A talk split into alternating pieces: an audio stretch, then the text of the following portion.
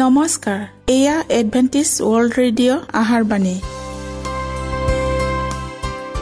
ষোল্ল মিটাৰ বেণ্ডত সোতৰ হাজাৰ আঠশ দহ কিলোহজত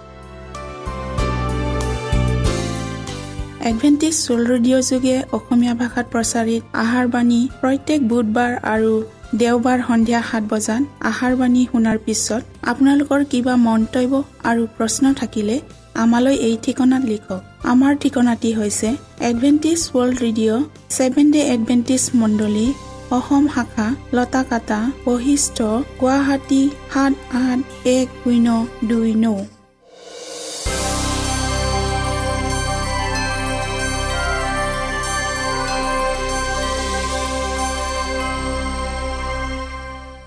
প্ৰিয় শ্ৰোতা বন্ধুসকল এতিয়া শুনো আহক এটি খ্ৰীষ্টীয় ধৰ্মীয় গীত।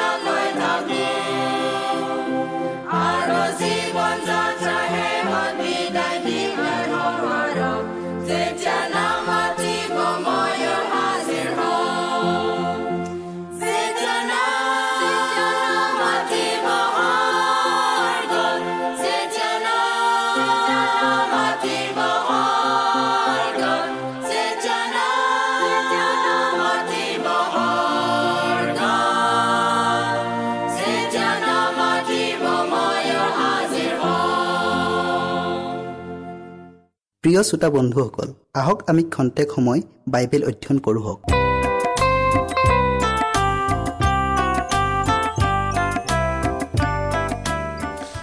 আজিৰ আমাৰ বিষয়টি হ'ল ঈশ্বৰৰ মেৰ পোৱালীক চোৱা। জোহন এক অধ্যায়ৰ ঊনত্ৰিছ পদ। জগতৰ পাপ নিওতা ঈশ্বৰৰ মেৰ পোৱালীক চোৱা। আমি প্ৰাৰ্থনা কৰোঁ হওক। স্বৰ্গত থকা জীৱনময় গৰাকী ঈশ্বৰ জেহুৱা ধন্যবাদ প্ৰভু তোমাৰ অনন্ত কলীয়া আশীৰ্বাদৰ বাবে।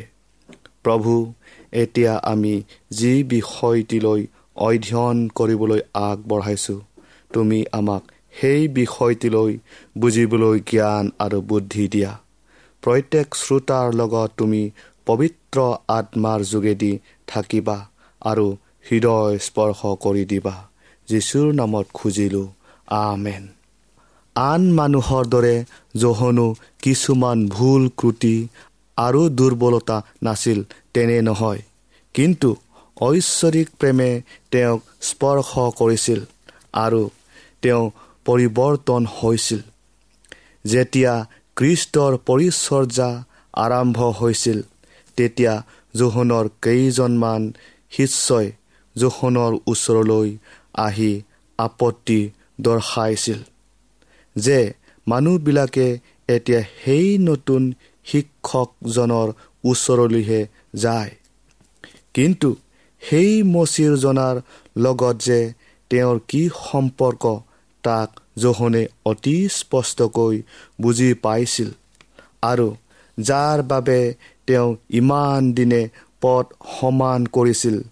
জোহনে সেই মহানজনাক স্বাগতম জনাবলৈ কিমান আনন্দ পাইছিল। নিজেহে অনুভৱ কৰিব পাৰিছিল। জোহনে এইদৰে উত্তৰ দিছিল স্বৰ্গৰ পৰা মানুহক যি যি দিয়া হ'ল তাৰ বাহিৰে তেওঁ একো পাব নোৱাৰে। মই কৃষ্ট নহওঁ কিন্তু তেওঁৰ আগেয়ে পঠোৱা হওঁ। ময়ে এই কথা ক'লোঁ তোমালোকে নিজে মোলৈ ইয়াৰ সাক্ষী হৈছা। যিজনে কন্যাক পায় সেয়ে দৰা। কিন্তু দৰাৰ যি বন্ধুৱে থিয় হৈ তেওঁৰ কথা শুনে তেওঁ দৰাৰ মাতত অতিশয় আনন্দিত হয়। এতেকে মোৰো সেই আনন্দ সম্পূৰ্ণ হ'ল। তেওঁ বাঢ়ি বাঢ়ি যাব লাগে। কিন্তু মই সৰু হৈ হৈ যাব লাগে। ত্ৰাণকৰ্তাজনাক বিশ্বাসেৰে চাই জোহনে নিজৰ সকলো উচ্চ ধাৰণা ত্যাগ কৰিছিল। তেওঁ নিজলৈ কোনো লোকক আকৰ্ষিত কৰিবলৈ চেষ্টা কৰা নাছিল। কিন্তু ঈশ্বৰৰ মেৰ পোৱালিটোত সিহঁতৰ দৃষ্টি স্থিৰ নোহোৱা পৰ্যন্ত তেওঁ সিহঁতৰ দৃষ্টিক উচ্চৰ পৰা উচ্চতালৈ আগুৱাই নিছিল। তেওঁ নিজে এটা মাতহে আছিল। অৰণ্যত ৰিঙিওৱা এটা মাত। তেওঁ এতিয়া নিৰৱতা অৱলম্বন কৰিছে আৰু নিজকে লুকাই ল'লে যাতে সকলোৱে দৃষ্টি জীৱনৰ পোহৰত নিবদ্ধ হয়। ঈশ্বৰৰ বাবে নিমন্ত্ৰিত হোৱা যিসকল প্ৰকৃত বাৰ্তাবাহক তেওঁবিলাকে কেতিয়াও নিজৰ বাবে মান সন্মান নিবিচাৰে। কৃষ্টৰ প্ৰতি থকা প্ৰেমে নিজৰ প্ৰতি থকা প্ৰেমৰ সমূলি গিলি পেলাব। তেওঁবিলাকে চিনি পাব যে জোখন বাপটাইছৰ দৰে কাম কৰাটোৱে তেওঁলোকৰো কাম। জগতৰ পাপ নিওতা ঈশ্বৰৰ মেৰ পোৱালীক চোৱা। এয়াই হ'ব তেওঁলোকৰ বচন। তেওঁবিলাকে যীচুক উত্তলিত কৰিব আৰু তেওঁৰ লগতে মানৱতাও উত্তলিত হ'ব।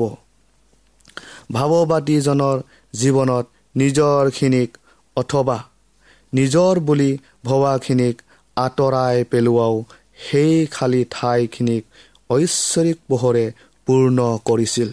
তেওঁ ত্ৰাণকৰ্তাজনাৰ মহিমাক সাক্ষ্য দিছিল।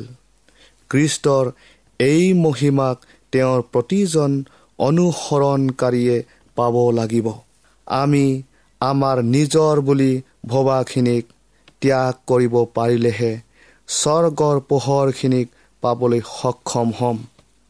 ঈশ্বৰৰ চৰিত্ৰক আমি বুজি পাব লাগিব আৰু বিশ্বাসেৰে কৃষ্টক গ্ৰহণ কৰিব লাগিব।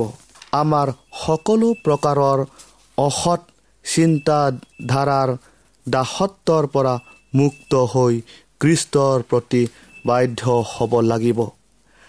আমি গোটেই শৰীৰটোকে লৈ কৃষ্টত বাস কৰিব লাগিব আৰু তেতিয়াহে আমি কৃষ্টত সম্পূৰ্ণ হ'ম।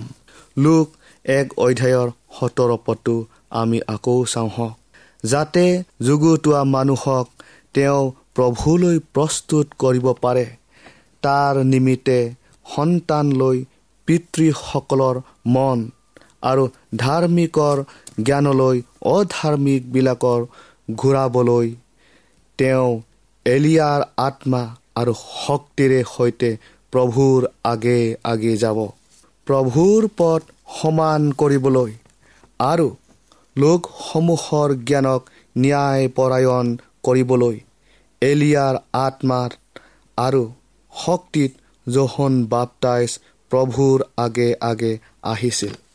অন্তিম দিনৰ সময়ত খ্ৰীষ্টৰ দ্বিতীয় আগমনৰ বাবে পথ প্ৰস্তুত কৰিবলৈ লোকসমূহৰ আগত বৰ্তমানৰ প্ৰকৃত পবিত্ৰ সত্যতাটোক ঘোষণা কৰিবলৈ ঈশ্বৰে যিসকলৰ ওপৰত পৰম বিশ্বাসেৰে গুৰু দায়িত্ব অৰ্পণ কৰিছে জোহন সেইসকলৰ প্ৰতীক আছিল। খ্ৰীষ্টৰ দ্বিতীয় আগমনৰ কাৰণে যিসকলে প্ৰস্তুতিৰ কাৰ্য চলাই আছে তেওঁলোকক বিশ্বাসী এলিয়াৰ দ্বাৰা সূচোৱা হৈছে। যেনেকৈ খ্ৰীষ্টৰ প্ৰথম আগমনৰ বাবে পদ যুগুত কৰিবলৈ জোহনে এলিয়াৰ আত্মালৈ আহিছিল। সংস্কাৰৰ যি গুৰুত্বপূৰ্ণ বিষয় তাক কাৰ্যকৰী কৰিব লাগিব আৰু জনতাৰ মনত আলোড়ন সৃষ্টি কৰিব লাগিব। ঈশ্বৰৰ মানুহখিনিক সিহঁতৰ মূৰ্তি পূজা কৰা অপৰিমিত ভোজন পান কৰা জকমকীয়া অৰ্ধনগ্ন সাজ পাৰ পিন্ধা আদি স্বভাৱৰ পৰা আৰু তেনেধৰণৰ নানাকো অভ্যাসৰ পৰা আঁতৰাই আনিবলৈ প্ৰভুৰ বাণীৰ লগতে নানা বিষয়ত সংযমশীলতাৰ শিক্ষাকো আঙুৰি ল'ব লাগিব। প্ৰিয় শ্ৰোতা বন্ধুসকল ধাৰ্মিকতাৰ কাৰণে আত্মা ত্যাগ বিনয়ী নম্ৰতা আৰু সংযম অপৰিহাৰ্য যিসকলক ঈশ্বৰে নিজ পথত চলাই আশীৰ্বাদ কৰে। তেওঁলোক আৰু অপব্যয়ী অপৰিমিত ভোগী স্বাস্থ্যৰ ক্ষতিকাৰক দ্ৰব্য সেৱন কৰা লোকসকলৰ মাজত স্পষ্ট পাৰ্থক্য থকা দেখা যাব। হাত দুখন যেনেকৈ শৰীৰত লাগি থাকে তেনেকৈ স্বাস্থ্য সম্পৰ্কীয় বাণী অৰ্থাৎ স্বাস্থ্য সংস্কাৰক বাণীটো তৃতীয় স্বৰ্গদূতৰ বাণীৰ লগত লাগি আছে। ইয়াক ঈশ্বৰে স্পষ্টকৈ প্ৰকাশ কৰিছে। শাৰীৰিক আৰু আত্মিক দুয়োটা বিষয়ৰ ক্ষেত্ৰত কিবা যে পাৰ্থক্য আছে ইয়াৰ প্ৰমাণ ক'তো পোৱা নাযায়। বৰং এই দুয়োটা বিষয়টোৰ লগত সিটোৰ এৰাব নোৱাৰা সম্বন্ধ। আজি এই অতি জৰুৰী বিষয়টোকে হেয় জ্ঞান কৰা হৈছে যিসকলে লালসা ভোগবিলাসী অপৰিমিত ভোগী আদি কু অভ্যাসত আক্ৰান্ত হৈ আছে আৰু নিজৰ পাপময় কুৎসিত জীৱনটোক দেখিম বুলি ভয় কৰি সেই জীৱনৰ পোহৰক চোৱা নাই। নিজৰ চকু বন্ধ কৰি ৰাখিছে আৰু সিহঁতৰ পাপপূৰ্ণ কু অভ্যাসবোৰক ত্যাগ কৰিবলৈ অমান্তি হৈ আছে। তেওঁবিলাক ঈশ্বৰৰ সন্মুখত দোষী সাব্যস্ত হ'ব। প্ৰাচুৰ্যতা মান সন্মান পদ মৰ্যাদা আদিৰ প্ৰতি থকা লালসাই ঈশ্বৰৰ মানুহক জগতৰ কু অভ্যাস বিলাসিতা আদিৰ পৰা ওলাই আহিবলৈ দিয়া নাই। আৰু সিহঁতে আত্মা ত্যাগী আৰু সংযমী হ'ব পৰা নাই। প্ৰিয় শ্ৰোতা বন্ধুসকল কিন্তু ঈশ্বৰে নিজৰ বাবে সাঁচি ৰখা মানুহখিনিক যাক তেওঁ নিজেই চলাই নিজে তেওঁবিলাকক এই বিশেষ লেখত ল'বলগীয়া মানুহ হ'ব। তেওঁবিলাক জগতৰ মানুহৰ দৰে নহ'ব। কিন্তু যদি তেওঁবিলাকে ঈশ্বৰে চলোৱা পথত চলে তেন্তে তেওঁবিলাকে তেওঁৰ উদ্দেশ্যক পূৰ্ণ কৰিব আৰু তেওঁবিলাকৰ ইচ্ছাক ঈশ্বৰৰ ইচ্ছাত সমৰ্পণ কৰিব। তেওঁবিলাকৰ হৃদয়ত খ্ৰীষ্টই বাস কৰিব। পৌলে কৈছে মানুহৰ শৰীৰ হৈছে ঈশ্বৰৰ মন্দিৰ। য'ত পবিত্ৰ আত্মাই নিবাস কৰে। ঈশ্বৰে আমাক সকলোকে আশীৰ্বাদ কৰক।